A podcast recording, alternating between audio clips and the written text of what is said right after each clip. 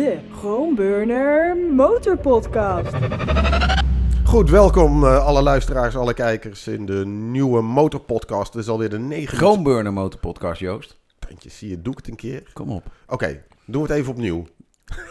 doen we het even opnieuw. Ja. Dus welkom alle luisteraars, alle kijkers bij de Chromeburner Motorpodcast nummer 29. Waar hadden we het over? Nou, eh, weer aan tafel eh, Arno Jaspers, maxmoto.be, Ivan van der Valk, nieuwsmotor.nl en wat dies meer zei. En ik ben Joost Overzee trouwens. Ehm, nou, doorgaans eh, bent u van ons gewend, zijn jullie van ons gewend, moet ik eerlijk zeggen, moet ik beter zeggen. Eh, zijn jullie aan ons gewend? Niet Joost, mee, je zoetgevoiste stem is zo prachtig om naar te horen. ja? Ga nog even door. Ik loop Doe. even, ik loop even Ja, een beetje loop vast. maar rustig verder. Ik, loop, ik, ik, ik schiet vol. Nee, maar in ieder geval... eh, normaal gesproken hebben we het over de actualiteit. Dit keer hebben we besloten om het gewoon eens even wat anders te doen. En dat doen we met een kleine duik in het verleden en onze eigen motorfietsen. Want we kregen namelijk een brief van iemand... Die zei, handgeschreven brief, die zei van... Jongen, kunnen jullie ook iets, eh, een beetje aandacht besteden aan tweedehands motoren? Want jullie hebben het altijd over die nieuwe dingen en zo. Nou is dat best wel een lastig punt natuurlijk, omdat wij sowieso geen eh, wandelende encyclopedie zijn. Dat wij precies kunnen aangeven bij een Diversion 900 moet je op de, weet ik veel, kruk als lagers letten of wat dan ook. Dus in zoverre we- eh, weten wij eh, ook niet al te veel. Maar op deze manier proberen we dat een klein beetje de, de- diegene tegemoet te komen. Ja, misschien dat het zelfs nog erger is, want wij rijden zoveel op nieuwe motoren, Ja. dat je eigenlijk er niet meer aan denkt dat er eh, de grootste markt in Nederland Ja. en in België ook, eh, extreem veel eh, occasions worden er verkocht. En dat is best wel iets wat wij onszelf nou ja, niet kunnen aanrekenen, want wij doen ook natuurlijk ons werk. Maar ik probeer mij altijd voor te, nemen, voor te nemen om één keer per maand, één keer per twee maanden, gewoon op zaterdagmiddag eens naar een motorzaak te gaan. Ja. Want wij zitten allemaal wel heel duur te doen met onze mooie jasjes en onze mooie spulletjes en nieuwste motoren. Maar dat vind ik echt. Nee, je hebt een punt. 100%. En jij komt hier dan wel gelukkig op. Nou, dat is de, de intro der intro's. Jij komt hier wel op de beroemde, wereldberoemde Trailway. Nou, dat bedoel ik. Voor de Weet deur. je wel, Ja. eh, onze eigen motoren houden ons ook wel weer een klein beetje met beide poten op de grond natuurlijk. Want we kunnen Absoluut. makkelijk zeggen, ah, ik was laatst op Sar- Sardinië met de SMT, eh, KTM en eh, hadden ze alles voor ons georganiseerd en zo. Maar ja, onze eigen motoren, die Ja. zijn eigenlijk een voorbeeld van, ja, een beetje een afspiegeling van hoe wij in werkelijkheid zijn. Dus laten we het eens over de eigen motoren hebben dan. Ja. Ja. Maar ja, als dat op dit moment is wat ik aan eigen motoren heb, geen afspiegeling van wat ik ben. Laten we dat voorop stellen. Eh, zal ik beginnen dan? Ja, tuurlijk, Ja, tuurlijk, doe maar. Momenteel eh, heb ik een eh, Honda NT1100 met DCT. Ehm, Te leen. Te leen, dat is een lange duurtest. Ik heb, ben eigenaar van een Honda ADV 350 motorscooter. En van een Yamaha 450 Enduro. Eh, dus, dus het valt heel erg mee wat ik heb. Dat is ook absoluut niet de dwarsdoorsnede van, van, eh, van wat ik als motorrijder ben in mijn beleving. Aan de andere kant, die ADV 350. Daar valt over te discussiëren. misschien heb je een punt. Ja, nee. Ehm, nou was het dan maar waar dat ik een derde van mijn tijd offroad reed. Ja, Ja, ja, ja, ja. De ADV 350 is van mezelf, vind ik een ideaal ding. Is er ter vervanging gekomen van een hele rij aan oude barrels die ik dan kocht of ruilde. Dat vond ik, ik vond eigenlijk het ruilen van motoren altijd Ruilen, ja, prachtig. Ja, ja, motor ruilen. Je koopt gewoon, eh, eh, eh, heb je het over motoren tussen de 1500 en 2000 euro, dat soort, of 1000 euro. En dan, nou, dan kom je eens iemand tegen, die zit op een andere oude frikandel. Dan zeg je, joh, zullen we ruilen? Nou, Ah, nee, joh. Ja, ja, dat gaat hartstikke goed. waar? Ja, dat gaat hartstikke goed. Dat is hartstikke leuk ook, want dan... Kijk, eens, ik, ik, ik weet niet of dat voor jullie ook geldt, maar omdat je, dit je werk is, ben je heel kritisch op waar je op rijdt. Dus ik, elke motor die ik gehad heb, dacht ik van tevoren, dit gaat hem helemaal worden. Ja. Dit, nu, nu heb ik eindelijk wat ik, wat ik altijd al wilde. Nou, binnen een maand denk ik, wat een kakding is dit zeg. Ja. En want dan heb je een naked bike gekocht en dan is je volgende afspraak met de jongens naar Duitsland te gaan. ja. En dan bij Arnhem denk je al, wat de fuck is dit, hé? Ja. Eh, wat een vreselijk ding. Dus eh, daarom vond ik het eigenlijk altijd super tof om die dingen steeds door te ruilen. Het nadeel ervan is wel dat je hoogst onbetrouwbare eh oude Oude motoren die- ja, die al je dromen kapot maken. Want elke keer weer. Eh, de laatste die ik had was een Aprilia RSV Miele. Ja. Oh. ja, Wat een eh, hele goede motor 99, is. Oh, Ja. Maar niet als je er eentje ruilt voor 2000 Helemaal euro. niet. En er komt, Nee, nee, ja, nee. er komt ook nog bij dat je dacht, oh ja, dat is toch inderdaad best wel weer een beetje ouderwetse superbike nog. Waarbij je gewoon weer lekker op je polsjes hangt. En dat is hartstikke leuk als je een beetje haast hebt. Maar ja, je moet ook nog wel eens door de file heen op dat ding. Dan is het echt helemaal niet lollig op dat apparaat. Nee.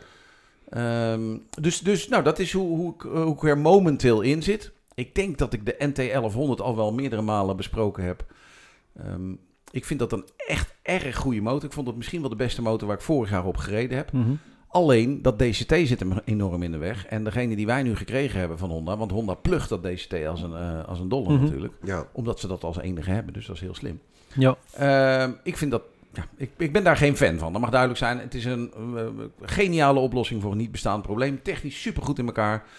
Maar eh, nou, ik, ik, ik, ik, ik weet niet waarom ik, er, waarom ik het zou willen hebben. Mhm.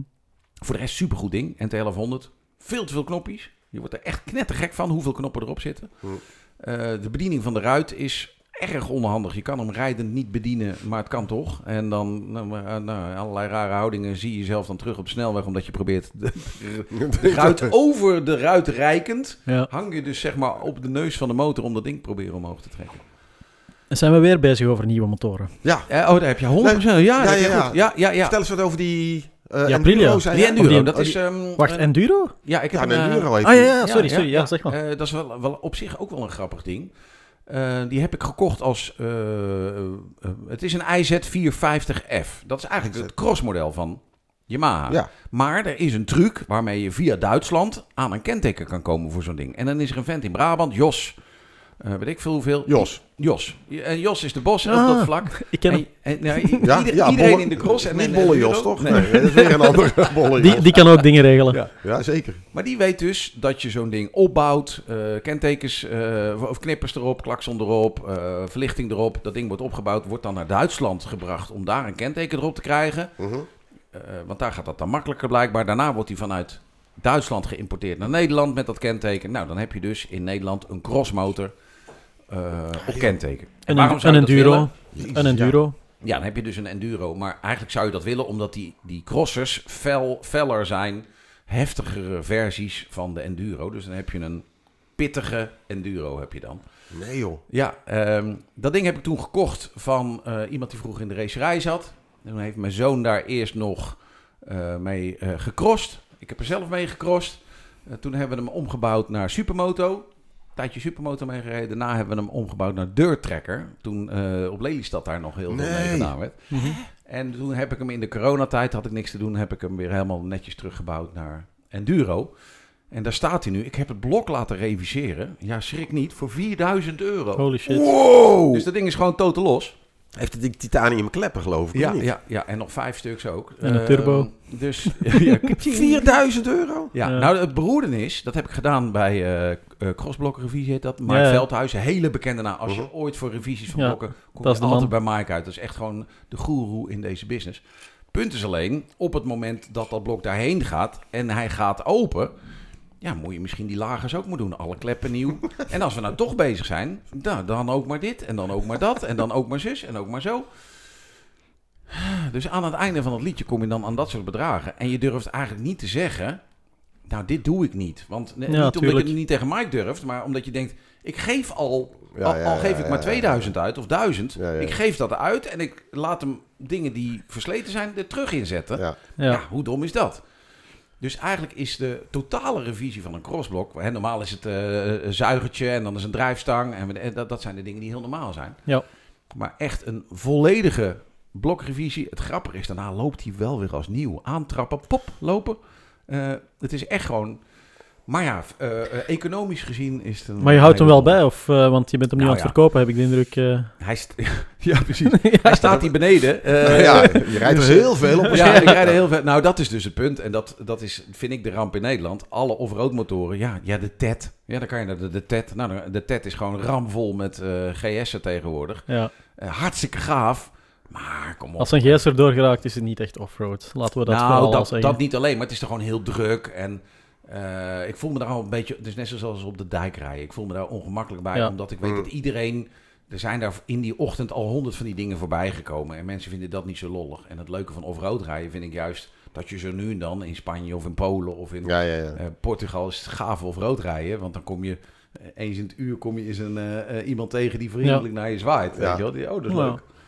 Ja, dus ehm, Maar dat, eh, dat hele verhaal van, dat, van die blokrevisie, dat doet me denken aan zo'n Amsterdamse aannemer die dan komt eh, bij jou thuis omdat je je kraan lekt. Dan is het gelijk, het, komt, het komt dan binnen, zet is Oh ja, zo. we moeten drie Ja. gevels slopen. ja, zit dan gewoon eens even zo, mevrouwtje. Dit is niet zo lekker hoor. Ja. Nee, eh, ja, dit, nou ja, Ik vind Ja. het vooral ook mooi omdat eender welke eh, supermoto of enduro of crossmotor die je ziet op marktplaats of tweedehands, ja, die worden allemaal verkocht met een net gereviseerd motorblok. Ja, ja, ja, ja, en dan is dat dan, de, wat ze dan de revisie noemen, is meestal de zuiger. En eh, als je ja, hoe, gelukkig vaak dat, hoe vaak moet dat gebeuren bij dat ding? dat weet ik eigenlijk niet eens. Nee. Ja. Dat is geen goed nieuws trouwens. Dat ik dat, maar je moet, eh, er zit een urentellertje op en weet ik wat. Ik geloof dat, nou, ik geloof dat wel mee. Eens in de 80 uur of zo zou me niet verbazen voor de Eens in de zuiger. 80 uur. Ja, gewoon al dat het uitgedrukt wordt in, in uren en niet in Ja. kilometers, dat Nee, zegt al genoeg. hè. Maar ja, Wow. Eh, ik ben een paar keer op de crossbaan geweest hier met dat ding. Nou, ehm, het beroerde van crossbanen in Nederland, veel daarvan is dat ze super zacht zijn. Ja, En eh, dat begon altijd hier bij de Salts, hebben we hier in de buurt, super toffe crossclub. Die hadden een kneuzenuurtje. Dat noemden zij niet zo, maar dat noemde ik omdat ik er kwam rijden. Ja. Ehm, en dat kneuzenuurtje, voor mij dan, eh, was dat als de baan nog helemaal mooi gevlakt was. En in het eerste uurtje kon een kneus als ik Ja. daar dan ja, ja, ja. Er nog door geraken, ja. En dan waren er ook wat jeugd was er en wat andere eh, mensen die, die niet dat hardcore crossen eh aankunnen. Ehm, maar ja, dat hebben ze toen veranderd naar dat dat elk eerste kwartier van het uur werd. En het eerste kwartier gaat me dat best af. Maar daarna gaan drie kwartier de grote kanonnen erop. Ja, En dan het volgende kwartier dat ik aan de beurt ben, is die baan eigenlijk al niet meer voor me te doen. Ja. Dus, ehm, ehm, dus nou, dat zijn mijn, mijn motoren. Mijn scooter kan ik dan nog even gauw afraffelen. ADV 350. ja. Ik heb dat ding getest ooit bij de perstest. En ik hoorde mezelf in de video zeggen: In Nederland heb je niet meer nodig dan dit. En dat is gewoon waar. Ja. Toen heb ik dat ding gekocht. Eh, ik heb een koffer erbij die ik nog nooit gebruikt heb. Ik heb handvatverwarming. Ik heb zo'n beenkleed erop zitten. ja hoort eh, zo. Tucano, eh, Tucano, Urbano. ja. Iedereen, dat is volgens mij maar één merk. Ehm, en, en dat ding is perfect. Ideaal. En Had die je vervangt, Had je 20 jaar geleden toch niet eh, gedacht Nee. waarschijnlijk dat je op zo'n ding zou rijden? die vervangt zeg maar de oudere motoren. Daar gaan we het straks nog wel over hebben. Over Ja, ja. oude dingen. Dus de RSV Miles, de Firestorms, de XZ550's. De alle, Ja. alle in- ruilfrikandellen die ik gehad Ja. heb. eh, die, is nu, die zijn nu vervangen door die. XZ6 of, eh, 550. Ja. Jezus. En hij was nog heel ook. Blok, blok was heel. Wat? Ja, ja, ja. ja. Echt waar? Ja. Ken je die? Zeg me niks. Nee, een ga je. V20 van Yamaha. Het mooiste was, als ik Vloeist, vloeistofverkoelde V-twin van Ja. Yamaha. X, Ja. X. XZ550. Ja. Praten we over 81, Eh, 82? ik weet niet, toen ik hem had was die al eh belachelijk oud en lelijk. En En, die eh, gingen altijd ja, kapot, ja. die dingen. Maar Ja. eh, die van jou liep. Nou, wat ik er leuk aan vond, is dan ging ik nog wel eens een, eh, een eh, demo halen bij Ducati dan het liefst. En dat je dan met dat ding kwam en dat je hem in de garage zet en dat je zei, nou jongens, kijk maar eens even hoe zo'n V20 eruit kan zien. ja, ja, dat was prachtig. Dus, eh, Ja. Ja, en dat is ook wel een beetje, ik denk dat jullie dat ook hebben. Het is best moeilijk om in, in het, het, het werk wat wij doen een, veel geld in de motor te steken. Ja. Want ja, je rijdt eigenlijk nooit met dat ding. Hè? Je zet hem neer bij de importeur, je neemt de motor van hem mee, je schrijft er een test over en je wisselt het spul weer terug. Maar ja, als je nu met vrienden een week op vakantie gaat, dan, maak je, dan neem je even een, een testmotortje mee, want dan heb je gelijk een verhaal. Ja. Dus- Oh, jij bent er zo in. ja, ja, ja, dat ben ik zeker. Nee, Nederlander. absoluut. ja. Ja. Anders boek met Nou een ja, ADV 350. Nou ja, ook de ZZP-gedachte natuurlijk. Er zit er Ja. weer een verhaal in. Ja, nou dat. dat Ja. Het is gewoon eh, een combinatie van veel dingen en eh, dat werkt eigenlijk hartstikke goed. Nee, het is wat jij zegt. Ik denk ook dat het eh, op de duur gewoon een beetje een uitdaging wordt van eh, leuke motoren te vinden voor ja, relatief beperkt budget. Ja. Ehm, nou, als ik dan even mag overnemen, dat is bij Ja, mij ook zeker. wel een beetje Ja. de, de rode draad geweest. En ik denk, ja, ik heb natuurlijk niet dezelfde voorgeschiedenis als jullie, maar ik denk dat ik wel redelijk wat motoren eh, al Maar begin ge- met wat je gehad hebt, en, eh, en weggedaan heb op korte tijd. Nee, begin eerst eens even sinds, Wat je wanneer, nu sinds wanneer rijden? Ik, Ja. ik rij sinds eh 2010 zoiets alles zijn. Ik weet het niet meer juist van Toen buiten. was jij al 60, joh. Ja, dus dat. Ja, Dus ik rij veel minder lang- ruim. Veel voorbij, minder joh. lang dan jullie, dat sowieso. Eh, ik kom wel nog uit de periode dat je op je achttiende al een eh motorrijbewijs kon halen in België. Eh, en in Nederland toen denk ik ook. En dan kon je op je 21ste inruilen voor een volwaardig eh, rijbewijs. Dus dat heb ik wel nog meegemaakt. Maar ehm, ja, ook eerst begonnen met een hoop lichte frikandeltjes. En dan nu uitgekomen terug bij lichte frikandeltjes, om het zo maar te MT-07 heb zeggen. Ja, MT-07, daar ben ik grote fan van. Dat is een motorfiets die ik eigenlijk meteen in 2015 bij de introductie had moeten kopen. Want dat ding was zo, ja, zo goed gewoon, zo basic en goed. Ehm, dat was toen mijn mening, dat is het nog altijd. Ehm, ondertussen kan ik op alle aspecten van die motorfiets ook wel minpunten eh, ontdekken. De versnellingsbak is niet goed, de vering kan beter. Hoeveel Eh, dat stuur, dat dat, onge... Eh, daar staat nu toch al een kleine 20.000 op. Dus Ah, eh, ik rijd er echt ja. wel, ik rijd er echt wel En is mee. die bak, was die al zo of is die slechter geworden? Ik heb eh, sinds 2015 met een tiental verschillende MT-07's en Tenerace en CP2 motorblokken gereden en ze hebben het allemaal. Oké. zijn allemaal redelijk, naar mijn mening, hakerig. Wat is dat Ehm, toch? Ja, Dat is raar, hè? en dat is iets, ik kan er perfect mee leven Ja. en ik kan me ook eh, goed inbeelden dat andere eh, users daar helemaal geen probleem mee hebben. Maar ja, als je dan de luxe hebt van te kunnen vergelijken met eh, concurrentie, dan is dat wel echt een van de dingen die ik opmerk van ja, de bak van die MT-07, dat is echt niet, Dat is heel- niet zijn sterke punt, maar ik kan er perfect mee leven. Ik ben er helemaal gelukkig mee. gewoon, dat is, Ja, zeg dat is heel grappig. En zeker ook omdat het Yamaha betreft. Doet me heel erg denken aan de, de Phaser 600. De eerste, de, FZ, de FZS 600. Geïntroduceerd in 1997 of 98. Viercilinder ook. eh. De viercilinder Ja. en zo. En die had ook duidelijk aanwijsbare punten die minder waren. De Mhm. achterveren was niet goed en zo. De versnellingsbak was ook ongelooflijk van 1 naar 2. Klam, eh, keihard. Mhm, En, en er waren nogal wat puntjes. dus Die verlichting was in mijn kloten. mhm. Maar het was een fijne motor, jongen. Ja, dus Op dat, de een of andere manier, die heb ik altijd in mijn hoofd zitten. Ja. Eh, dat is later in mijn fout gegaan toen ze met dat aluminiumframe kwamen met die FZ Ze hebben er veel, 600 en veel zo. van verkocht. van Maar die dingen. allereerste Phaser 600, dat was op de een of andere manier... Ja. Nou, dat, dat, dat, dat was net als een MT-07. Ook Ja, wat mij betreft. Hè. Misschien is dat, voor mij ook... Op de een of andere manier past dat en, en Hmm. komt het gevoel overeen. Ja. eh, wat, je, wat, je, wat je echt... Ja, waar, waar je echt een kick van krijgt op de een of andere Ik manier. denk dat dat voor mij ook de doorslag... snellere en er zijn Ja. betere misschien. Misschien scherper sturen.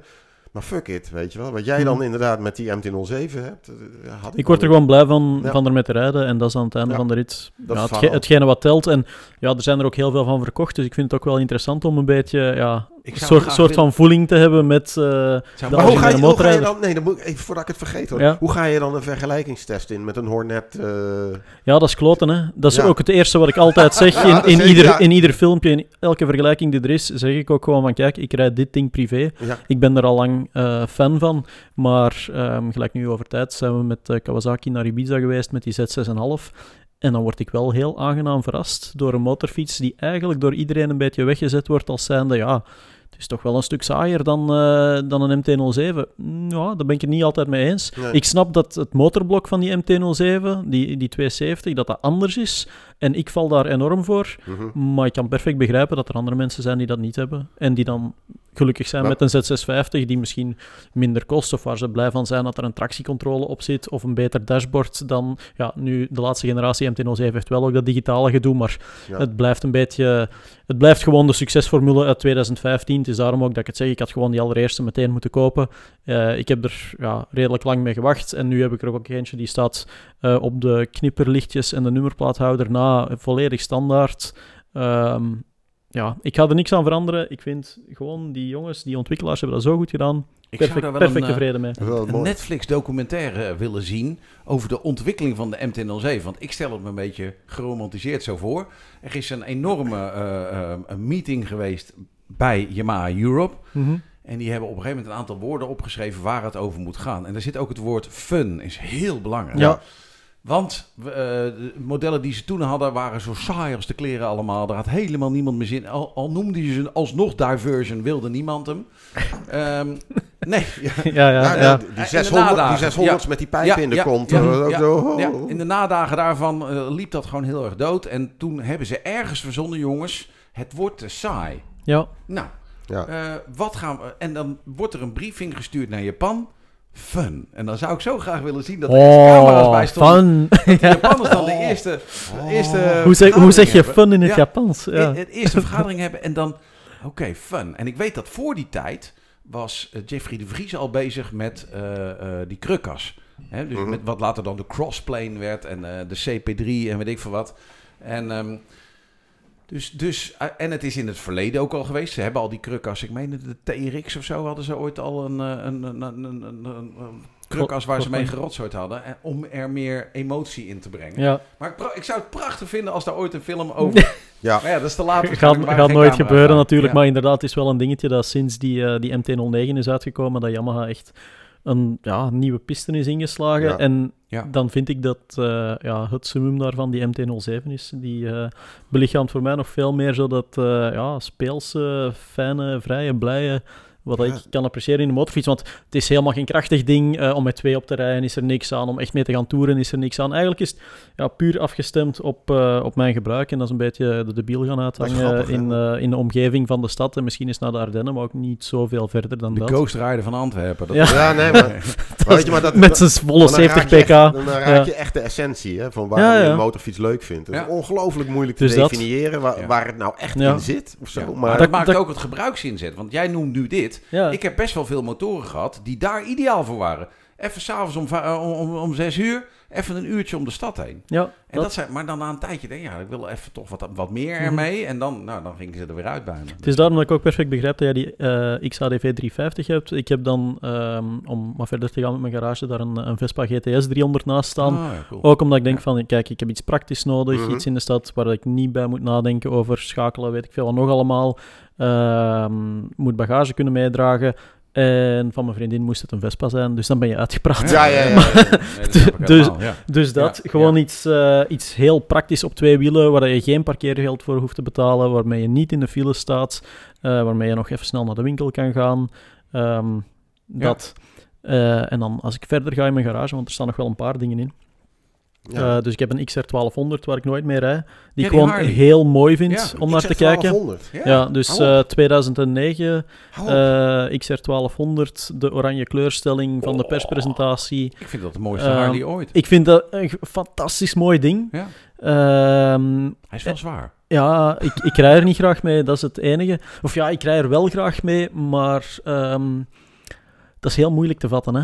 Maar dat, is zo'n motorfiets die eh, heel lekker rijdt als je er gewoon ja, wel mooie wegen op zoekt, maar rustig mee gaat rijden en gewoon genieten van die V-twin sound. En ja, de afwerking is ook zeker niet het beste, maar hij ziet er wel ontzettend mooi uit. Dus ik kan er uren naar kijken. Ja, ja, ja. ja. Maar- nooit en ik, ik, dat- ik start hem regelmatig gewoon om dat ding te horen. En dan vooral, hij staat dan op zo, ja, de Harley, de typische Harley zijpikkel, die dan ook zo net iets te schuin staat en dit en dat. Oh, ja. Maar eh, gewoon dat ding horen draaien, dat vind ik eigenlijk al een belevenis. Maar ehm, Wil je er nooit wat aan doen? Want het lijkt me zo'n ding om Screaming Eagle spullen te ik zou er kopen. ontzettend graag een circuitmachine van maken. Wauw. Maar als je dan ziet wat dat kost bij Ja, een Harley, ja, ja, ja, holy ja, ja, fuck, ja, dat is echt ja. niet normaal. Maar gewoon alleen voor straat. Ik zou me kunnen voorstellen 20 pk er extra uit. Dat het een heel andere fiets wordt. Ja, die pk's zijn volgens mij niet zozeer het probleem. Het is vooral de vering. En dan kom je, dan kom je terecht bij, eh, bij een Eulins die daar wel eh, een kit voor heeft. Maar dan eh, ook daar ben je al snel zo ontzettend veel geld kwijt. Eh, dat zijn centen die ik er nooit Ja, ga nee, uithalen. en dat nee, hoeft nee, voor mij ook nee, helemaal nee, niet. precies. Maar ik weet gewoon dat, ja, hoe goed je die Harley ook maakt, eh rij daarna één trackday op een R6 van 20 jaar oud en ja, dan kan die Harley niet mee. En ik snap ook wel, dat, dat is de charme ervan. Dat, is, dat is de reden waarom er eh, ja, zo van die Battle of the Twin motoren gebouwd worden en zo.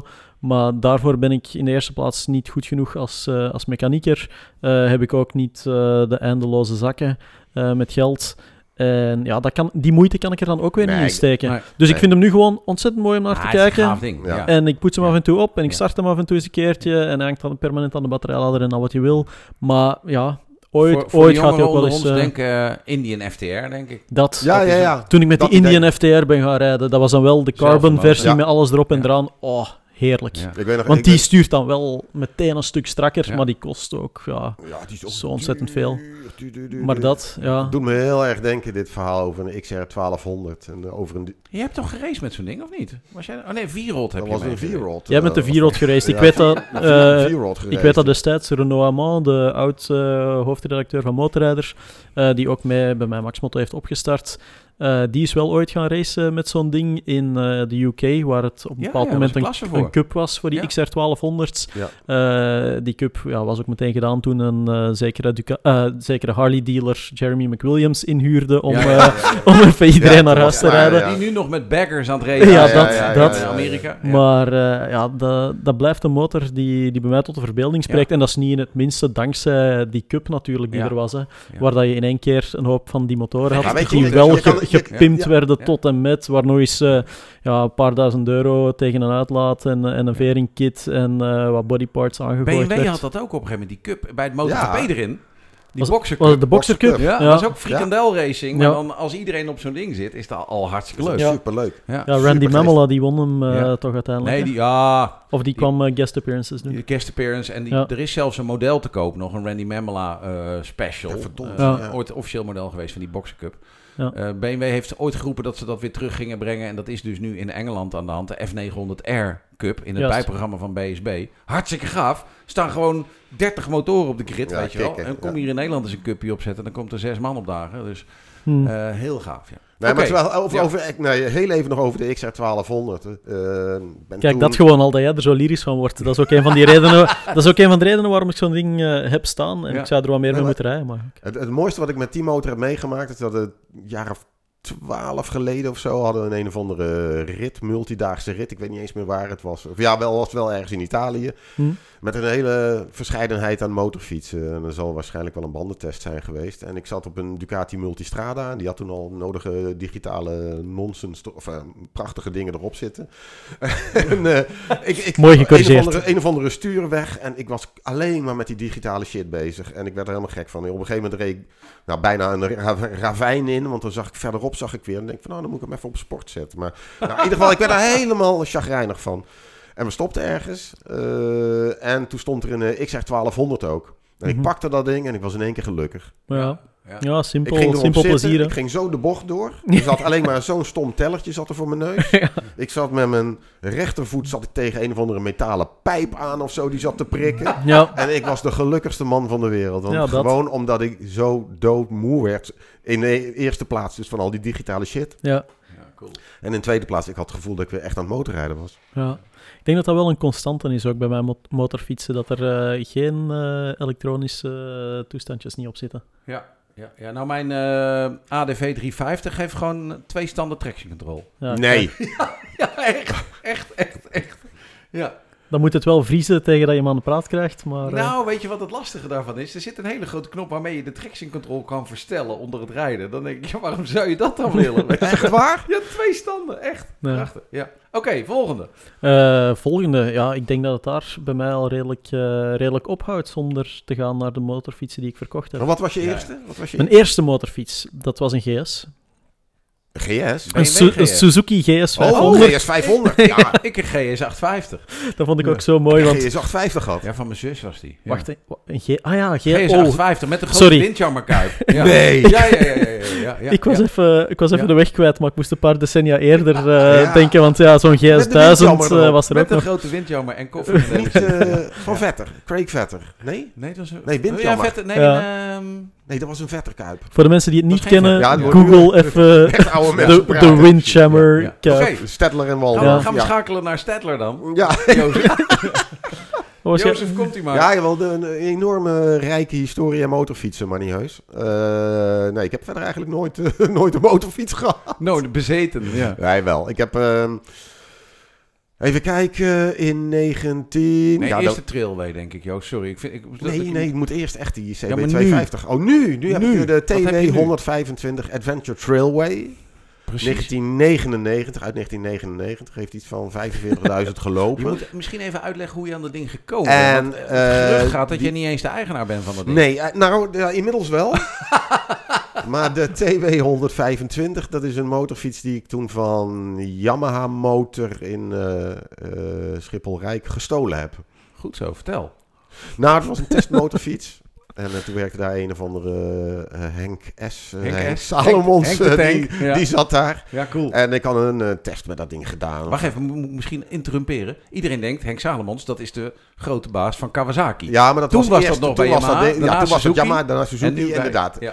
En eh, dat ding dat moest terug natuurlijk. Ik had er een week mee gereden of zo. Ik woonde Ja. in Amsterdam. En ik zei, ja, bekijk het maar. Je krijgt dat ding niet terug, die TW. ik deed gewoon geen denken aan en zo. Dus ik heb dat ding gehouden. En elke keer was ah, godverdomme overzee. Hoe zit het nou? Dat ding moet terug. Eh, ja, ik ga het gewoon niet terug en zo allemaal. Nou, in ieder geval. ik heb dat ding dus nooit teruggegeven. Maar ik heb, ik heb, ik heb het ooit wel eens met een MV Gusta geprobeerd. Lukte niet. Nee. Maar, ehm, Die was toch gestolen toen ook? ja, die was toen weer gestolen. Ja, dat was weer ja. een ander verhaal. Ja. Maar goed, in ieder geval met die TW eh, 125. Daar hebben we wel zoveel avonturen eh, mee meegemaakt. Dat ik volgens mij dat ding meer aandacht heeft gehad dan een IZF eh, Ja. R1 of zo. Ja. Ik ben toen op een gegeven moment oud-coureurs. eh, ben ik door Amsterdam gegaan. Dan ging de coureur. En dan praten we over Norik Abe, eh Shinya. Nakano en Gary McCoy. Die kwamen dan naar Nederland. En dan deed ik een, eh, een sightseeing Amsterdam. Maar dan had ik wel... eh, ja, dan, Ja, en dan het liefst in gewone kleren natuurlijk. Ja. En dan had ik van tevoren had ik natuurlijk het zaakje wel een beetje voorbereid of zo. En toen had ik bijvoorbeeld, had ik dan van Gary McCoy, dat hij vroeger timmerman was geweest. Nou, dan hadden bij de, bij de Ikea, dan had ik dus een, een of andere, een of andere bouwkit eh, gekocht. En zo gewoon op straat geflikkerd in de dingen. Nou, maak jij er maar een kastje van. Oh, ja. En dan zat eh, Gary McCoy, die zat dat eh, kastje in elkaar te schroeven. Heerlijk.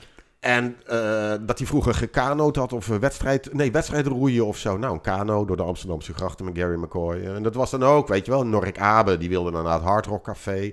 Maar de rode draad was dat ik met die coureurs ehm, dan ook door Amsterdam reed. En het geestigste was nog met Norik Abe. We kennen allemaal Abe Lenstra, eh, hoe heet het? Abe Ja, ja. Lenstra, de, Ja. de beroemde voetballer. Een van de beroemdste voetballers die Nederland ooit gehad heeft. En eh, toen heb ik, ik denk dat het via Jeffrey de Vries is geweest. Eh, heb ik toen bij de club Herenveen Ja. heb ik toen een shirt, een, eh hoe heet het, een Heerenveen shirt heb ik eh, gehaald. Daar Abe op laten zetten. Cool. En voor je het wist eigenlijk, terwijl Martin Poort zat er nog bij Yamaha, weet je Oh, wel. Ja, ja, ja. ja. En die zat van, nou, dat is niet zo'n goed idee. It's not a good idea to do this. Ik zei, nou, dikke neus, je kan maar wat. Dat gaan Ja. we wel doen. Dus op een gegeven moment stond eh Norik Abe stond dus in een shirt van Heerenveen met groot Abe achterop. Op het Museumplein in Cool. Amsterdam met voetbalschoenen aan. Ja. Ja, weet je, onvergetelijke dingen natuurlijk. Daarover, dat soort dingen. eh, we hebben laatst World Superbikes hier gehad. De zoon van Norik Abe stond op de grid, hè? Mikey Abe. Ja, ja, ja. ja. Oh. Die rijdt in World Supersport. Ja. Nee, echt waar? Ja. Ah, joh. Super tof. Echt Ah, over legendes gesproken. Ja. Krijgen we weer de rillingen. Ja, ja, ja, ja, ik snap hem. Maar goed, in ieder geval, dus, dus die TW 125 die heeft alle aandacht gekregen. Ik ben ook nog met, eh, met Randy toen... eh, Wat toen- kostte dat ding in de tijd? Weet je dat nog? Ik dacht 3600 gulden. Wauw. Gulden, hè? Ze Ja. hebben wel voor 36.000 euro aan publiciteit gehaald met ding, ja. bij Yamaha. Ja. 360.000 en zo. Nee, maar ik ben ook nog bij de Alpen d'Huez, zijn we gletsjers over geweest eh, met dat ding. En, eh, Ah ja, dat weet ik nog. ja, ja, ja, ja. Door een, een of ander oud echtpaar wat ingesneeuwd was. In hun auto het leven gered. dat is Oh, allemaal ja. waar gebeurd ja. allemaal. Eh, dat staat ook in dat boek eh, Motorisch Gestoord trouwens, eh, de bestseller. Maar goed, dus, dus ik heb, Ik heb ongelooflijk... Ja, je hebt hem, ja, dat siert je enorm trouwens. Ja. En je hebt ook veel publiciteit gegeven trouwens. ook. Maar in ieder geval, ehm wat een gepijp. Nee, maar... en toen, toen, ik in, toen heb ik dus zeven jaar in Frankrijk gewoond, in de voet van de Pyreneeën. En ik gebruikte diezelfde TW 125 altijd om de hond uit te laten. Dan ging ik, eh, dus met de TW 125 ging ik door de valleien en alles en zo. Dus nou, in ieder geval dat ding, eh, dat is eh, mij ongelooflijk dierbaar. Zal ook nooit meer weggaan natuurlijk. Ja. Sinds een jaar of twee jaar, sinds een jaar ook in bezit van een Honda Monkey. En dat moest natuurlijk een gele zijn van het eerste model. Het eerste model, dan praten we over 2018 dat die uit is gekomen. Mm, dat weet ik niet meer van buiten. En eh, dat komt omdat mijn geliefde, die is geboren en getogen, eh, hoe heet het, Eh, op de plantage van Firestone in Liberia. What? Ja, Oké. daar is mijn vriendin. oh, er zit nog iemand een beetje herrie te maken. Even In ieder geval, dus, dus, dus mijn, mijn vriendin Ja, is dus eh, geboren en getogen dus op die eh dinges van eh, Firestone in Liberia. En die had een Honda Mini Trail. En een Mini Trail is de verre voorloper van de Honda Monkey. En zij had ook een gele. Dus uiteindelijk moest er ooit eens een keer een nieuwe gele Honda Monkey komen. Dus die hebben we. Rijd nooit op. Maar Jullie hebben eh, twee motoren die samen hoeveel pk hebben? eh, samen is dat... Nou, wacht even. De fabrieksopgave van die Die Monkey TW, heeft 9, 9 pk. 9 pk. Dan zitten we samen de 20,8 pk. Kaching. En ik heb natuurlijk mijn CB250. Ja. Oké, ja. Die is Classic. van, die Van van je- uit de 1974. familie toch? Ja, niet? die is van 1974. Eh, ik heb in 1978 samen met mijn vader gekocht. Mijn vader zei op een gegeven moment van... Jongen, eh, je bent nu voor je HAVO geslaagd. Eh, wij gaan een motorfiets kopen. We zijn bij Van de Biggelaar in Oosterwijk. Wauw. Pastoor van Beugenstraat. Ze zitten nog steeds. Daar hebben we de Twan CB is daar nu de baas, denk ik. Twan Ja. is nog steeds denk ik de baas daar. En eh, daar CB250. En die heb ik natuurlijk altijd eh, gehouden. Nieuw? Was die nieuw toen? Of Nee, was hij vier jaar oud. Vier, oh, oké. Vier jaar Wacht oud. even, Twan Bigelaar, de legendarische Ducati-tuner, Ja. Ja, die Ja. deed Ja. vroeger Honda en daar heb nee, jij... dat was eh bijzaak eigenlijk. Inruilertje. Bijvangst. Oh, oké, oké. Ja, ja, ja. We zaten ook nog te denken aan de GT250 van Suzuki. Maar goed, dat werd dus uiteindelijk, omdat mijn vader meer een viertaktman was, Ja, was de CB250. En ik heb hem nog steeds, ik ben toen, toen ik 19 was trouwens, eh, ook al 100 jaar geleden, gewoon in mijn eentje met die motor, zonder motorkleding, eh, naar, eh, naar, de, naar eh, de Costa Brava gereden, weet je wel. Want dat deed je toen. Ja, ja nou, dan deed je dat. Ja, Dat absoluut. deed je dat. Ja. En mijn vriendin heeft in de tussentijd een Monster 620 gehad, maar goed, dat... eh, ja, toch iemand die een echte zware motor in huis haalt bij jou thuis. eh. Nee, maar dat is zo. Weet je, hetzelfde als wat inderdaad met jouw geliefde. Van een scooter is leuk, maar het moet wel een Vespa zijn. Ja, dat. Ja. Mijn vriendin ook van eh, het moet wel een, eh, eh, een motor is leuk, maar het moet wel een monster zijn met dat Ja. bronskleurige frame in de kleur rood en eh, met dat Ja. zadeldekje. En die mag Ja. niet meer dan 26 cc hebben. Nou, dat is een beetje het verhaal eigenlijk. Kijk, ik denk dat we daarmee toch al wel de Zijn we belangrijkste motoren Ja. van, eh, van onze motoren. redactie besproken hebben. Eh, misschien eventjes kort pauzeren en dan gaan we dadelijk weer verder met eh, ja, wat andere oude meuk, toch? Eh, occasions heet dat dan. Niet Occasions, oude meuk. Ja, tweedehands Olde- gebruikte motoren. Olde bende. Ja, dat. Bij Groenburner vind je alles op het gebied van motorgear. We hebben het grootste aanbod motorkleding van de Benelux tegen de scherpste prijzen. Met meer dan 100 merken is er altijd wel eentje die past. Dus kom snel langs of bestel via onze webshop. Je vindt ons langs de A59 bij Nieuwkuik of natuurlijk via groenburner.nl. Groenburner Motorgear. Fun starts here. Zo, dan zijn we weer bij het tweede gedeelte na de reclame. van de, de Chromeburner Motor Podcast, de 29ste. Eh, we hebben een zeer doorvrocht plan over onze favoriete motoren. Oh, Ja, zoals jullie al kunnen raden, deze podcasts zijn geweldig goed voorbereid. ja. Maar eh, voor het tweede deel gaan we verder gaan met iets oudere motorfietsen. En ja, een soort van rode draad die erdoor zit, is dat we het gaan hebben over motorfietsen waarmee we gereden hebben. Ja. Sommige die we gehad hebben, verkocht hebben en spijt van hebben, of net niet. Andere die we dan net weer heel graag zouden willen hebben. En het- aangezien... eh, Het kan ook anders. Maar het kan Eh, uiteraard ook ook anders anders. lopen. het kan ook helemaal anders lopen. We gaan het, we gaan het beleven. Ja, precies. Ik eh, stel voor dat Iwan wel terug begint.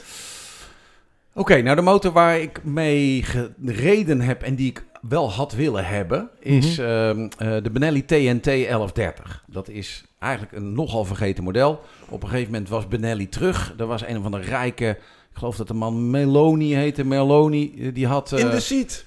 Wat zeg jij? Die was van in was seat. van in de seat. In the die had met zijn eh, familie, witgoed. eh, ja, familie Wat? in de seat had... eh, in de seat. Dat is, Wasmachine. dat is Alles wat je ziet Nederlands. in de- in seat. Dat is hem. Wasmachines en drogers. Dit gaat mij en ik hoop half België echt volledig Dat zal ze leren. over het Ja, hoofd. toen Ja. hadden wij al wasmachines namelijk. Ja. dus, ehm, Oh, gaan we weer. hoor. ja, nee, dus ehm, Ja. eh, eh, Benelli was kapot gegaan, zoals vele merken. Ja. Op een gegeven moment duikte erop, eh, ik meen dat ze Mel- Meloni, Meloni. Merloni of zo. Nou ja. De zoon daarvan, van de familie die rijk was geworden met onder andere in de seat, ehm, heeft toen Benelli gekocht en ging dat helemaal terugbrengen. We spreken 2010. Begin 2000. Begin Zo, 2000, Rond die oké. tijd, zeg maar. Ja. Begin, eh, ik gok 2000. Ja, Nou, het eerst dook erop de legendarische Benelli Tray. Nou, dat was dat ding met die twee fans achterin. Prachtig Ja. mooi ding. Die groen-witte, waarmee ook nog geraced is. De Tornado Tray Tornado, ja. eh, heette dat apparaat.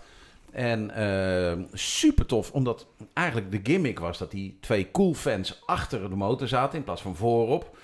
Het was natuurlijk wel zo dat ze er heel snel achter komen dat er een reden was waarom alle andere motoren de cool fans voorop hadden. Ja. Namelijk dan koelen ze ook. Nou, dat bleek Maar die dus had een radiateur onder het zadel, hè? Daarom, ja, daarom was het. Ja, ja, precies. Klopt, maar uiteindelijk was dat vooral een, een, een, een, een gimmick om, om dat ding... eh, en, en dat werkte ook, want hij zag er echt fantastisch uit. Ja. Introductie op Paul Ricard toen nog geweest. Oh Ja. man, nou... Afijn, eh, dat was het begin van de heropstanding van Benelli. Maar ja, die zoon die had wel heel veel geld, maar niet zo heel veel, heel veel verstand ervan leek. De vorige heropstanding van Benelli. Ja, de wil je vorige, zeggen. ja, ja, Ja, ja, de. Italiaanse was dat nog. Ja, niet de Chinese. Ja, dat. Eh, en daarna kwamen ze met een naked bike. En dat was de Benelli TNT, heette dat ding. Ja. De naam is alleen al briljant natuurlijk. Ehm, ik was bij de introductie van de Tornado geweest op Paul Ricard. Dus ik denk, nou, dat wordt wat met die TNT. Was in Italië gewoon ergens, eh, weet ik veel, op de, op de openbare weg. Dat ding zie je staan, is echt... Wat een prachtige motor is dat Ja. om te zien. Het probleem was alleen dat tijdens de testrit donderden er al onderdelen van de motor af. Oké. Ehm, echt gebeurd. Maar het motorblok was goud. Hij Ja, stuurde ja, ja, gaaf. ja, ja. Hij zag er vooral supergoed uit. Ja. Dus elke keer dacht ik, dit is gewoon de motor die ik hebben moet. Ehm, het mooie voor mij is dat ik er daarna nooit meer op gereden heb. Oké. Dus dat ik daarna ook eh, altijd nog denk, dat is de motor die ik hebben moet. Het voordeel is, omdat ik er nooit meer op gereden heb, blijft dat ook zo. Want waarschijnlijk als ik erop rij, dan vind ik het weer een kakding. Want het is al lang ingehaald door allerlei moderne dingen. Hij was niet zo heel erg goed, maar Ja, en vind er nog maar eens een. eh, ik denk dat er... eh, ik, ik zie ze nooit. Nee. Eh, Ze Nee. zullen er zijn. En ik, als je zo'n ding te pakken zou krijgen en er enorm veel liefde aan zou kunnen geven, dat je hem beter kan maken dan Ja. dat de fabrikant Ja, gemaakt ja, heeft. ja. Dan denk ik dat je de allermooiste, in ieder geval naked bike, alle Ja. tijden hebt. Ehm, maar ja, eh, dan moet je het wel heel graag willen. En het was ook een beetje uiteindelijk eh, eh, wat ervoor zorgde dat de Benelli heropstanding van korte duur was. ja, ik dacht net te de zeggen, hoeveel, hoeveel, jaren, Ja, hoeveel jaren hebben ze die geproduceerd? ik heb geen idee. Ik heb geen idee. Ik, ik zou dat Weinig. even kunnen terugzoeken. ehm, maar Bam. Twee, hier. Nee, dat kan 18? niet. Dat Kan kan niet. Dat kan niet. Ja, Nee. ja. ja, nou de TNT is, de naam bestaat namelijk nog. Reno souffleert ons even en, en die heeft helemaal gelijk. Ehm, want t- eh, nu is Benelli overgenomen door de Chinezen. En Ja. de Chinezen komen gewoon weer met TNT. Met TNT uit. aanzetten, Maar ja. basic TNT 1130, die hebben ze ook nog heel lang op de lijst gehad. Maar dan belde je met Benelli en dan werd de Ja, telefoon kon je niet er niet aan opgenomen. geraken. Dus toen Ja. bestond Benelli eigenlijk al niet meer. En je had ook een 800 modelletje. Eh 900. Of hadden ze 900, zelfs. ja, whatever. 900, Ja, ja. een kleinere versie. Ja. En, eh, en Benelli was toen eigenlijk al een beetje eh, ja, in een soort van eh, ja, eh, winterslaap gebracht. en er werd wel gezegd dat het nog bestond en het dealernetwerk leek nergens meer op. Dus uiteindelijk beetje- waren er alleen nog maar extra redenen om nooit zo'n ding te kopen. Want dat werd dan één groot bloedbad natuurlijk. ja. Maar wat een prachtige fiets was dat. En wat gaaf gewoon ook dat je al rijdend, dat had je toen al niet eens meer. Dat er gewoon onderdelen van dat ding afdonderden, weet je wel. Dat Wij hebben toen, we hebben toen gehad met eh, het blad Motor. Hadden we zo'n ding in de test. Motor De Magazine L- bestond toen nog, ja. De 1130 TNT, dat was de sportfiets. Hè? Die was dan niet in die kleur, eh, hoe heet het, zilvergroen. Maar dat was een rode. Nee, de Tornado was dat. Oh, die, De sorry, die Tornado. Tornado Die was een met. Kuip, Ja, inderdaad. ja. Die hebben we toen gehad, een van de laatste. Stonden we op de, de, de bult bij Lelystad tijdens een vergelijkingstest. Maar het woei nogal hard. En keer, ik zit in de auto, eh, het staat een beetje te schuilen. En in één keer hoor je het geluid van kostbaar carbon wat donder. Was dat ding dus omgewaaid. En, eh, nou, toen was de test gelijk afgelopen natuurlijk. Toen ben ik dus naar Grenip gegaan. Grenip, ja. Grenip Ja? in Sassenheim. Ja. En daar stond een gloedje nieuwe TNT, de magnesium, de, de, de gelimiteerde Oh. versie. En die hebben we gesloopt om dat ding van ons aan de praat te krijgen. Oh. Ja, het is echt zo. Dat ding stond Ja. in het krat en hebben we gewoon de, de, de, de, hoe heet het? de, stuurhelft ervan afgehaald. en zo. Zo'n drama Prachtig. gewoon. Hoe dat Bent u in het bezit van een eh, Benelli TNT niet. 1130? Bel- bel. Stuur een mailtje naar Iwan. Nee, ik, heb, ik heb wel een mooie om daarbij aan te sluiten, denk ik. Eh, de motorfiets waarvan ik absoluut geen spijt heb dat ik hem heb doorverkocht. eh, waar ik wel heel blij voor ben dat ik hem ooit gehad heb. Dat is eh, ook een driecilinder, maar een eh driecilinder tweetakt. Ik heb ooit een Suzuki GT380 gehad. Oh, te gek. En dat was een hele mooie, een rode met gouden striping en alle chroom blonk nog en al wat je wil. Eh, motorblok was nooit vastgelopen of wat dan ook. Dat was blijkbaar trouwens niet echt een... om even te schetsen, eh drie-cilinder tweetakten stonden in het algemeen bekend als ja, de middelste cilinder, die loopt ja. vast. Daar had die GT380 niet zo'n last van. Ehm, en die van mij, die, die liep dus heel mooi, reed heel aangenaam als hij wilde starten. Want dat was wel een dingetje. Ehm, ja, Kickstarter natuurlijk. Was super cool. Maar dat is echt een motor, daar heb ik zoveel miserie mee gehad. Dat kan, dat kan je je Ja. niet voorstellen. Dat, dat ding dat wilde nooit starten. En dat was dan waarschijnlijk ook omdat ik er niet net niet genoeg mee reed. Dus dan batterijtje plat of licht te laten aanstaan of weet Ja, ik veel. ja, ja. Elk excuus was Gewoon goed slecht. voor dat ding om niet te willen Nou, die waren starten. normaal waren ze, als, als ze ja, je hebt die dingen natuurlijk nog nieuw meegemaakt, hè? Of toch, het zal niet veel schelen. Ja, je moet... Je, enfin, dat geldt voor Ja, al die toen- oude toen- toen ik hem natuurlijk. Je moet kocht- het allemaal gewoon hartstikke goed onderhouden. Ja, dat, maar dat is gewoon zo. ik denk niet dat het mijne zo slecht was, maar gewoon oude motorfietsen in het algemeen. Ja. Dat, heb ik daar, dat was voor mij zo al stap 1 om nooit meer echt oldtimers te kopen. Want ik zie ontzettend graag oldtimers. Hè. Eh, als jij hier aankomt met je CB250, vind ik nog altijd geweldig.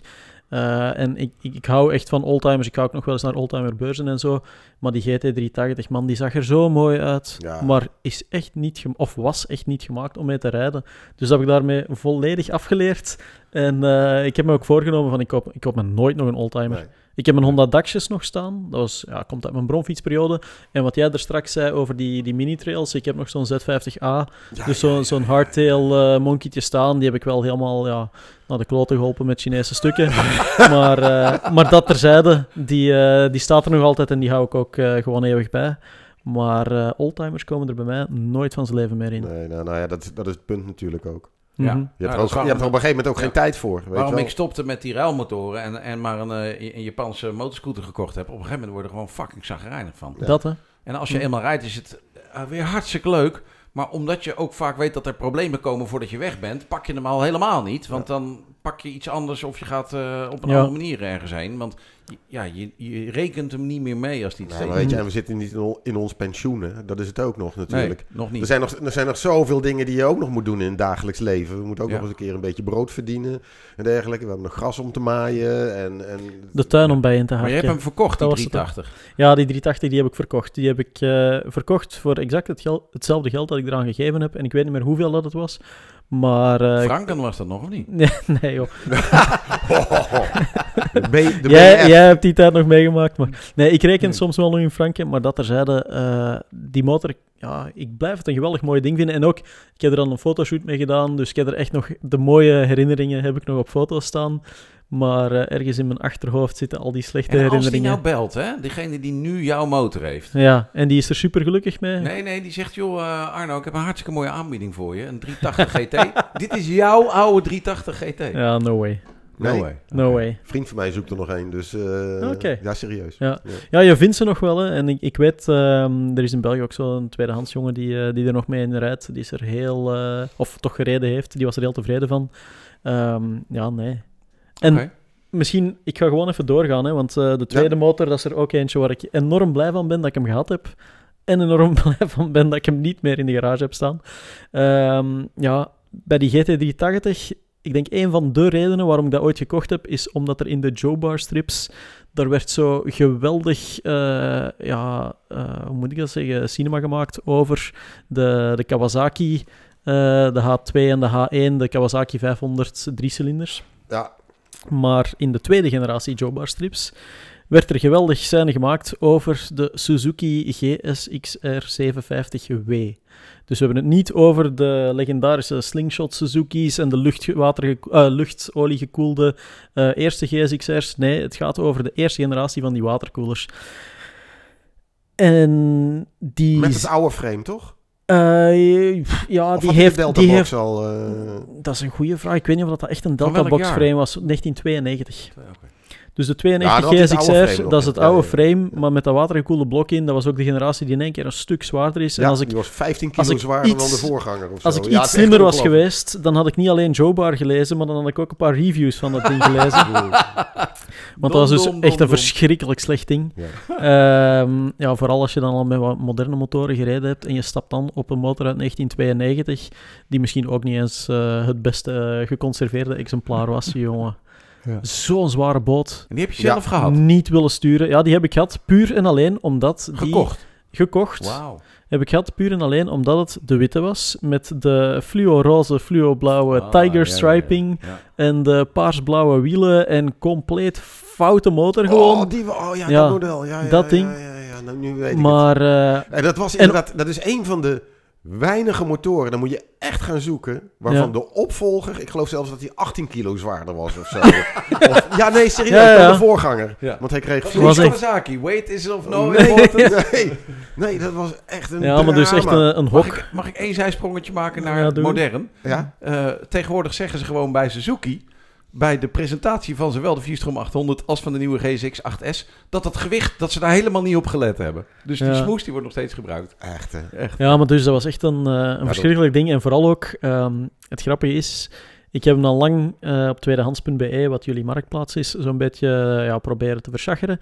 En er toch nog iets van centen voor te krijgen, wat voor mij heel, heel moeilijk was. Want ja, ja, geen haar op mijn hoofd dat geloofde dat, dat, eh, dat ik daar ooit een koper voor ging vinden. Oh, en ja, je moet dan ook, als je het verkoopt, moet je toch met een beetje overtuiging doen. Dus ik had hem wel heel ja, mooi gemaakt en de, de kuipen waren nog goed. En het was echt, het was niet dat het een, eh, een geweldig misbruikt ding was, maar ehm, uiteindelijk een koper gevonden. Die jongen kwam van tegen Luxemburg naar Antwerpen gereden om het te kopen. En eh, de avond voordien, ik nog ja, toch dat ding nog eens aan het oppoetsen en aan het doen. En ik word zo al een, eh, een lichte benzinegeur gewaar terwijl ik hem aan het poetsen ben. Ja, dus eh, ik heb al een heel schrik gekregen van wat de fuck is dit? En ik denk van, ja, weet je, om 100% zeker te zijn, toch nog even een klein onderhoudje. Ik had nog een oliefilter liggen, olie afgelaten en ik draai die bout eraf en er loopt gewoon, ja, de benzine, een benzine-oliemengsel loopt erdoor. Dus die, die carburators blijven, blijven lekken, ja, zwart in het blok. Ik, godverdomme, heb ik eindelijk een koper gevonden voor dat ding, eh, dit aan de hand. Hele nacht sleutelen. Ja, de heel, ja, gebeld naar al mijn eh, vrienden met iets of wat meer mechanische kennis dan mij. Eh, uiteindelijk terug in orde gekregen. Daar niet van. Ook naar. Ja, ja, ja. Ook, nee, nee, dat was s'avonds laat, want ik heb, ik heb nog naar die jongen die hem wilde kopen gebeld en gezegd, eh, dan, zo eerlijk ben ik dan wel. Ik heb gewoon gezegd van, ja, voor je in de auto springt, dit moet je echt wel weten. Nou, dat Eh, zie je ik, wel. ik, was Ja, er ja. hier, eh, ik was er hier net aan bezig en dit gebeurt. En eh, ja, toen had ik al geen poot niet meer om op te staan bij enige verkoopsonderhandeling. Eh, is die kerel toch nog afgekomen, die heeft hem meegenomen. En jongen, ook al heb ik er toen... Ik heb er niet zoveel verlies op gemaakt, want ik had hem wel goed kunnen kopen. Maar toch, het was eh, een gat in mijn broek. En ik was gewoon doodgelukkig dat ik er vanaf Hoe krijg was. je het ook voor elkaar dat je precies het verkeerde model GSX-R kocht? Ja, dat hè. Dat je niet nog wat eerder, weet je wel, Exact, model want- 89 of Want 88. dat, dat is het hem dan net, hè. Jongen, Je gaat dan, dan achteraf ga ik wel er meer over lezen en dan ontdek ik van, kijk, oftewel koop je inderdaad zo'n 85er, eh, zo'n zo'n oliegekoelde, Nou, of, niet eens 85, gewoon- of maar gewoon een paar een, jaar eh, later, weet ja, je wel. dat, eh, nog zo'n slingshot of de 1100, die is Ja, helemaal die- eh, te gek. Met die blauwe, wit-blauwe Dat, kleuren. of je koopt een. S-Rad, een, la- Ja. een, een latere versie die ook weer echt eh, mindblowing K5 was. zou ik nu wel weer willen hebben gewoon. Bijvoorbeeld die Ja. K5, ook K5, ja, legendarische Ja, ja, ja, generatie. ja. Maar nee, ik, eh, ik zat daar dus met die 92 opgescheept. Hè, en ik heb er dan eigenlijk nog wel redelijk wat kilometers mee gereden. Maar eh, man, ben ik blij dat ik dat... Ja, ik ben blij dat ik het heb meegemaakt. Hè. Want nu, daar ga je me niet meer op betrappen van echt zo'n ontzettend kut ding als dat te kopen. Maar Ja. ja, je shit. koper Nederlands, dat hij dit zou kunnen horen? Eh, nee, die, dat is Waal zeker? het was een Franstalige koper. Eh, ik rij er nog regelmatig mee samen op circuit, want die komt ook wel Oh, naar, eh, naar, naar Mette en naar, eh, naar Spa. En hoe is het Die- afgelopen die met heeft, dat ding dan? Wel, die heeft dat ding helemaal tot op de laatste bout uiteengehaald. Dat was een mechanieker. Ah. Die heeft hem met heel veel liefde hersteld. Maar dan heeft hij hem verkocht. En hij heeft hem teruggekocht van de kerel waar dat hij hem aan verkocht had, omdat hij het niet over zijn hart kreeg van Oh, zijn, zijn geliefde gerestaureerde GSX-RW. Wow. Ja, dus ik vind het ook hem nu nog. Ik vind het heel mooi. Ja, ik heb hem als Facebook-vriend, dus ik zie af en toe zijn foto's Nee, verschijnen. joh, en hij houdt hem bij als motor die hem nooit wegdoet. Terwijl het Ah, voor mij echt zo mooi. de motor was waarvan ik dacht van ja, kijk, als hij hem niet gekocht had, ik had hem gewoon in de Schelde gereden. Ik vind Echt het waar. wel een sprookje met een happy Wat end. een Ja, kijk. prachtig verhaal. om, om maar ja. te zeggen, ja, hoe, zeggen ze dat? Ja. Van, eh, de, ene, de ene is een ongeluk, is anders een geluk. Alles kan nog ja, goed komen. dat. Alles kan nog goed komen. Fantastisch. Ja. Joost. Ik zie, mezelf, ik zie mezelf trouwens nog steeds op de, op de voorkant van eh Weekblad Motor. Toen nog in 1993. Toen kwam de 1100 versie Ja, ja, daarvan uit. De eerste watergekoelde. ja. ja. En eh, die hebben we toen gefotografeerd met de legendarische Wout Meppelink op de dijk in Moordrecht. Wout, wat een in kerel. de stromende regen. Dus, dus dat paste precies Ja. natuurlijk bij het Ja. verhaal dat hij voor het eerst watergekoeld was. Ja, ja, ja, ja. Ja. Maar goed, En dan moest je er ook zo'n kop bij verzinnen waarschijnlijk. Ja, hè? ja, ja. Regendanser. regendanser, eh, regen... Zo ah, werkt dat in motorbladen. Ja. allemaal, ja, precies. ja. Maar wat een hok van een ding, ja. Ja, dat. Eh, nou, nee, ik heb eh, verder nooit iets verkocht in mijn leven. Nog nooit een motor verkocht. Nee. Geen één. nee. Ja, die, die Ducati hebben we weggedaan, maar die was meer voor mijn vriendin. 620 van je Die maat. 620 Ja, monster. Maar Ja, verder mis- helemaal, misschien eh, is het maar goed niet- voor jou. Misschien is het goed dat je er niet te veel koopt, want als je er nooit vanaf kan geraken, dan... eh, Malle Ja, of nou, nooit wil Die wegdoen. 620, dat was op zich wel een... eh, de- de- de- ik, het was een mooi ding. Ja, En daar is alles mee gezegd eigenlijk. Ik oké. vond helemaal niks. Nee. Het klinkt een beetje... Nou, Nou, het klinkt, Ja. heel, klinkt heel naar, maar gewoon... Ja, nou, we- mag toch? Hadden we van die korte supertraps, die hadden we eh, Oh, erbij. Ja. Oh, dat is wel een verhaal. Eh, kan het nog even Ja? qua tijd? Ja, tuurlijk. Dat is echt- wel weer heel bijzonder. Dat was het begin met de legendarische Pam de Vries. Die was dan eh, de, importeur. het boegbeeld eh, bij de importeur van eh, Ducati. En die vertelde mij, want ik zocht een 620 voor mijn cherubijn, mijn geliefde. Ehm, ik zocht een 620 en hij zei, nou, ik heb er, ik heb er twee staan toevallig hier. Voor weinig. Voor, nou, eigenlijk, en die, die zijn de hele wereld rond geweest. Maar de ene heeft drie kilometer op de klok en de andere zes.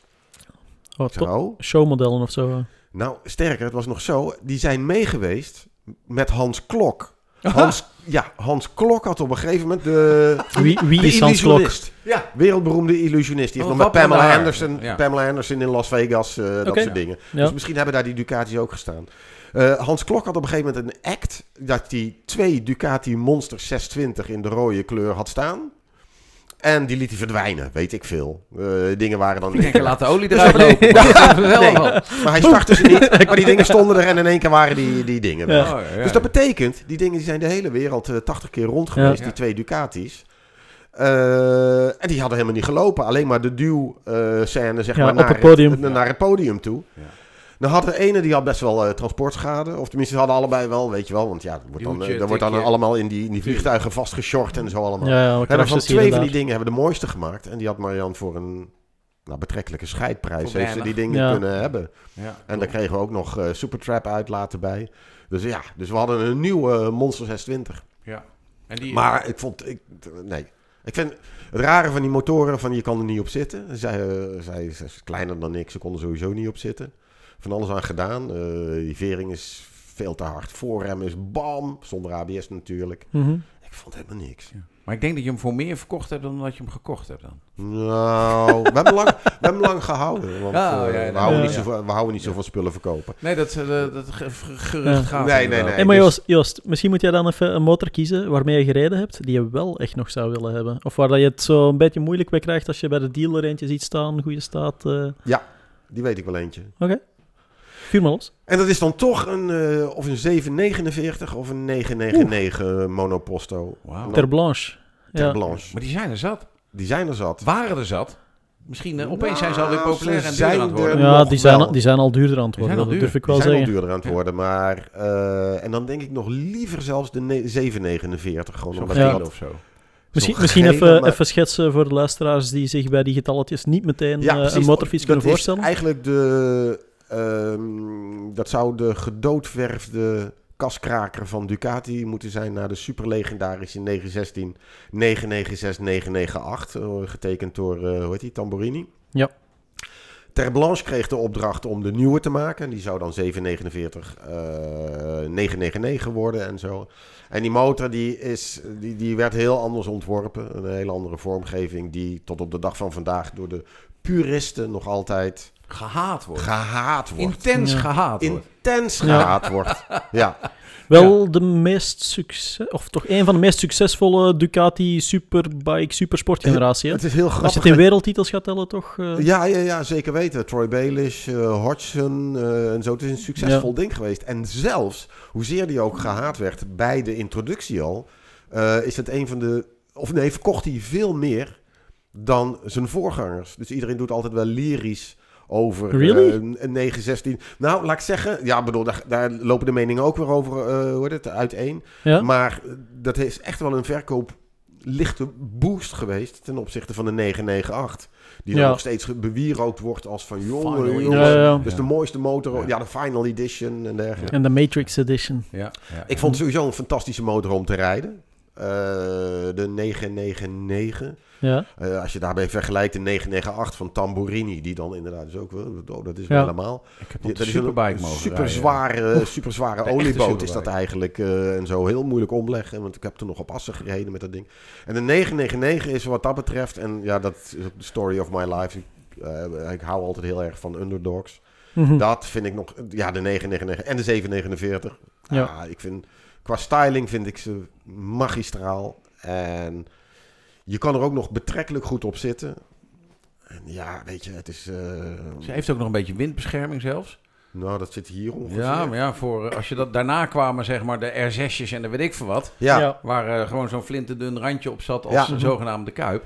maar dan heb ik wel het, echt, als er dan toch weer eentje wordt, dan moet het de monoposto zijn. Want als je die grote koekblik, dan moet er een Termignoli pijp op Ja. natuurlijk, zo'n grote Ja. koekblik. Waar ook iedereen op zat te schijten natuurlijk, van lelijk en zo, weet je wel. Want die Misschien moet je 69 monopost even uitleggen. Want Oh, voor- eh één zitter. ja, Eén exact. zitter. Want eh, die dubbelseater, dat is dan niet mooi, weet je wel. Dat, eh, dat is, eh, nee, er moet dan wel een één eh, persoonsmotor zijn dan.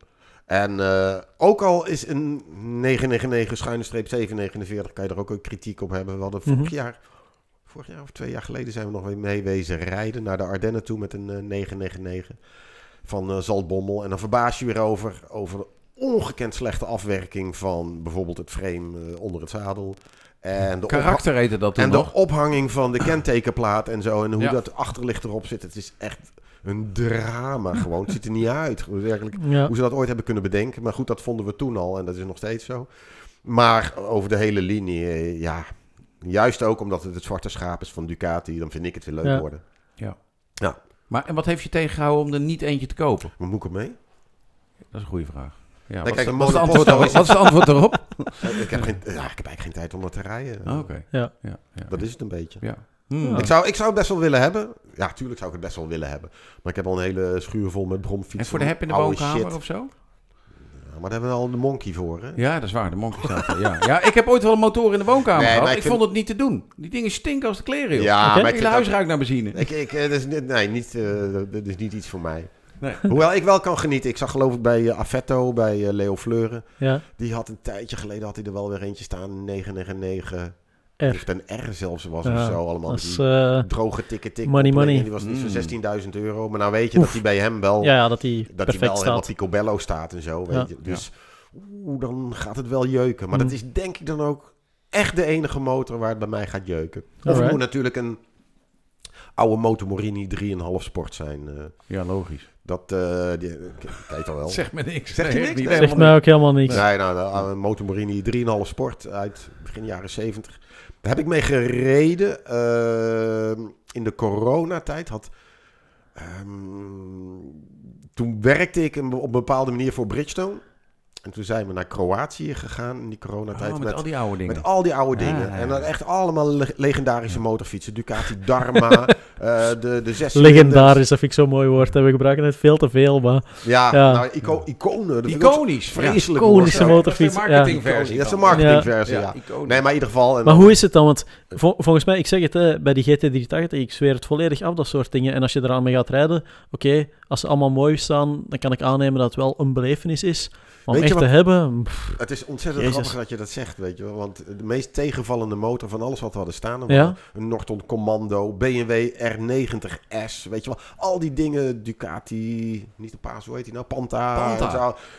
Oh Ja. man, wat een, het mooiste van het mooiste. Allemaal in top, top, top staat of zo. Mhm. En de motor die mij het meest tegenviel van de 14, 14 waren het er zelfs. ja, CB7,5. CB7 Echt? Ja. Ja, Wauw. ja. Ja. die Ik, viel me ik ben zo, tegen. ooit met een CB550 gaan rijden. Ja, En eh, die werd dan, ja, daar had ik wel de boekjes gelezen. En die werd dan opgeschreven als een van de betere van de middenklassers. Je betaalt er nog niet voor wat je betaalde voor een 7,5. Ja. En eh dat rijden was leuk, want dat ding rijdt best modern. Motorblok voelt zelfs nog echt ja, naar moderne, eh, moderne normen redelijk goed aan. En dan kom je bij de eerste remzone. Oh ja. En dan Ja, ja, schat ja, je ja, in je broek, Ja, jongen. dat remt helemaal niet. Want ja, ik rem- van dat bestond niet in die 250, dat remt niet. En de regen remt het al helemaal Ja. niet natuurlijk. Daarom vind ik Ja. die oude dingen ook niet zo leuk meer. Bij heel veel dingen denk ik, Kijk. als ik maar aan het rijden ben, Ja. vind ik het leuk. Ja. Maar dan ga je remmen. Ja. Eh, dan denk ik, Ja. oh ja, zo remde je vroeger. Twee Ja. handen. En Misschien ligt daar het probleem, we moeten gewoon minder remmen. Nou, het, het grap- nee, maar het grappige, het, het grappige is dat de CB7,5 wordt door iedereen ter wereld gewoon als, Ja, ja, gezien als de motor van de 20ste eeuw. eh, Mhm. en, en misschien wel de motor aller tijden, weet je wel, samen met een 916. Of, nou ja, goed, in ieder geval CB7,5. En waar ik van tevoren dat toch wel een bepaalde verwachting had, ook al weet ik dat die voorrem dat dat helemaal niks doet. Ja. Helemaal niks. En zo, en, en zo slecht als mijn verwachting was over een Norton Commando 850. De tandjes, dat was Ja. volkomen omgedraaid. Weet je, Norton denk je, Engels ding, nou denk je allemaal olie op de stoep en dan gaat Wankel. alleen, maar, gaat alleen maar stuk. Ja, wankel. Nee, nee, nee, gewoon de denk je 8- nooit, dan denk 850. je aan wankel. Ja, denk je aan wankel, Ja. maar, maar de 850, maar wat een fenomenale motorfiets dat was. Cool. En, en in mijn beleving is het alleen maar Engelse meuk dat alleen maar kapot gaat. Of tenminste, wat dan, eh, hè, zo gaan ze door het leven. Ja. Je koopt nooit zo'n ding, wat gaat alleen maar stuk. Een Triumph of een BSA of, eh, of een Norton. Maar wat die wisten eh, van stuureigenschappen, vooral dat. Oké. Nou, geniaal. Ja. Ja. Onvoorstelbaar. Gaan we terug over naar Ivan. Ja, Ah, we gaan naar Ivan. Iets moderner graag. iets moderner. Nou, de, ehm, Jij had er eentje in de woonkamer staan. Wat was dat nog even tussendoor? Dat moet niet jouw gekozen motorfiets zijn, maar wat, welke Nee. had je in de woonkamer staan? Ik weet niet meer. Toen was ik de schuur aan het verbouwen. Dus dan had ik eigenlijk eh, de, de motoren. Er stonden er meerdere dan in de Oké, serre oké, oké. opeens. En dan Ja. dacht ik, oh, dat is best leuk, weet je Ja. wel. Zo'n motor in de... Nou, dat is gewoon hartstikke dom. Want ja. Ja. het ruikt gewoon enorm... naar- Je hele huis ruikt naar benzine. Ehm, en dan denk je, dat klinkt cool. Dat, dat vind ik leuk. Maar dat, ja, in de praktijk bleek dat gewoon heel erg eh, anders te zijn. Onpraktisch. Eh, ik heb drie Fireblades gehad. En ik ben echt wel Oh. een Fireblade man, denk ik. Dat, dat, eh, dat is begonnen met, geweest. met de vader van Reno, onze, onze techneut, Oh, zeg ja. maar. Hadden we allebei Fireblades. Ehm, mijn allereerste eigen motor was een CB1000F. Want dat leek me ook heel verstandig. Oh, CBR1000F, excuseert u mij.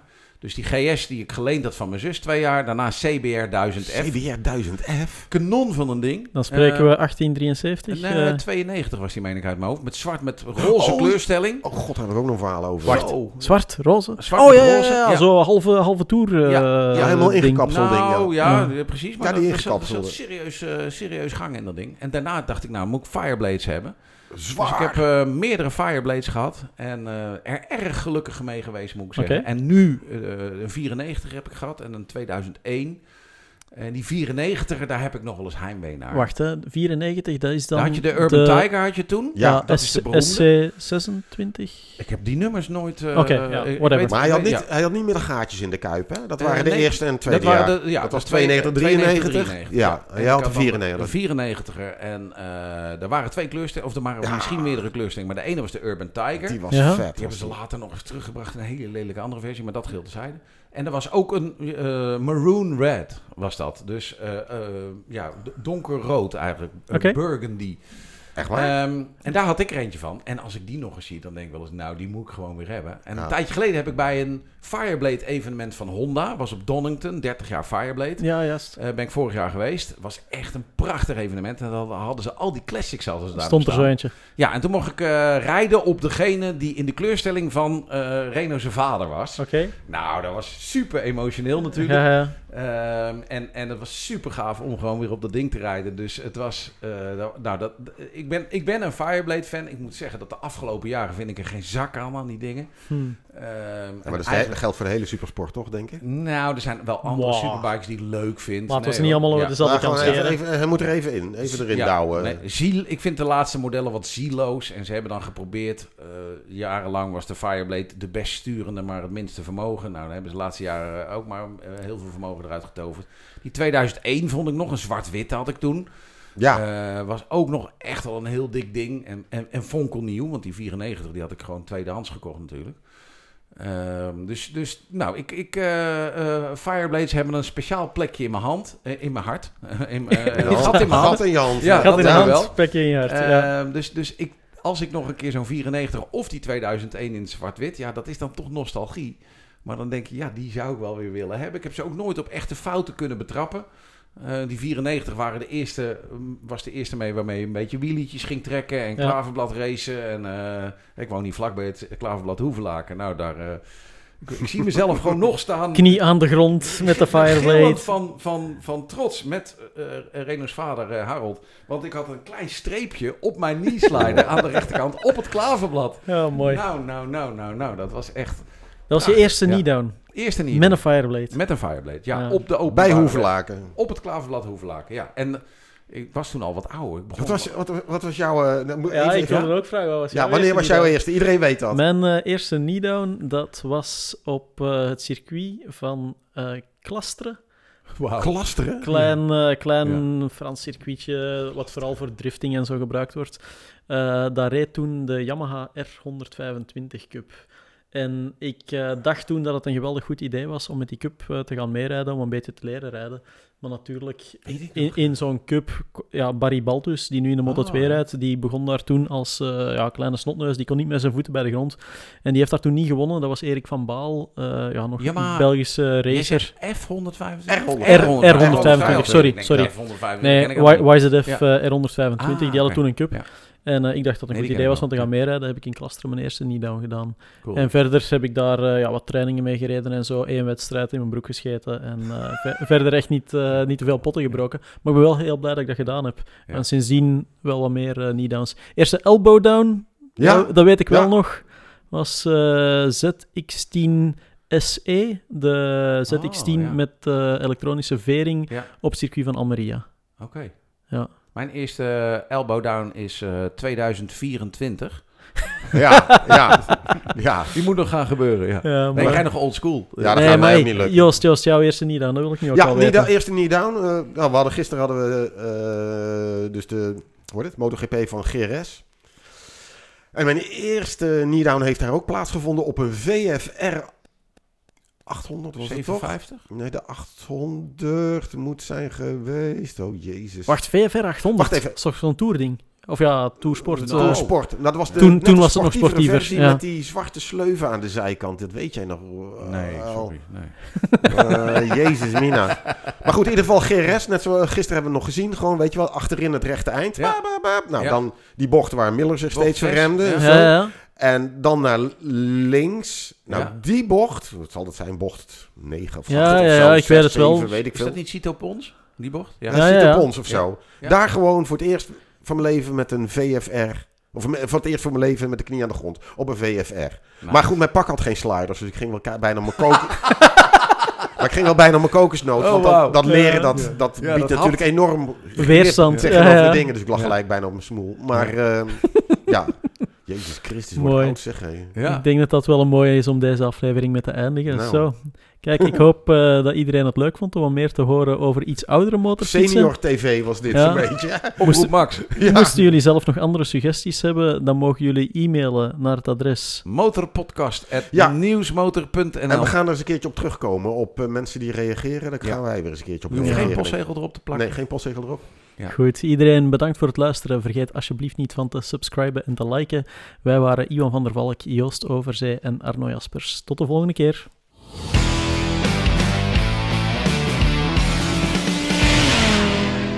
Dit was de Groenburner Motorpodcast.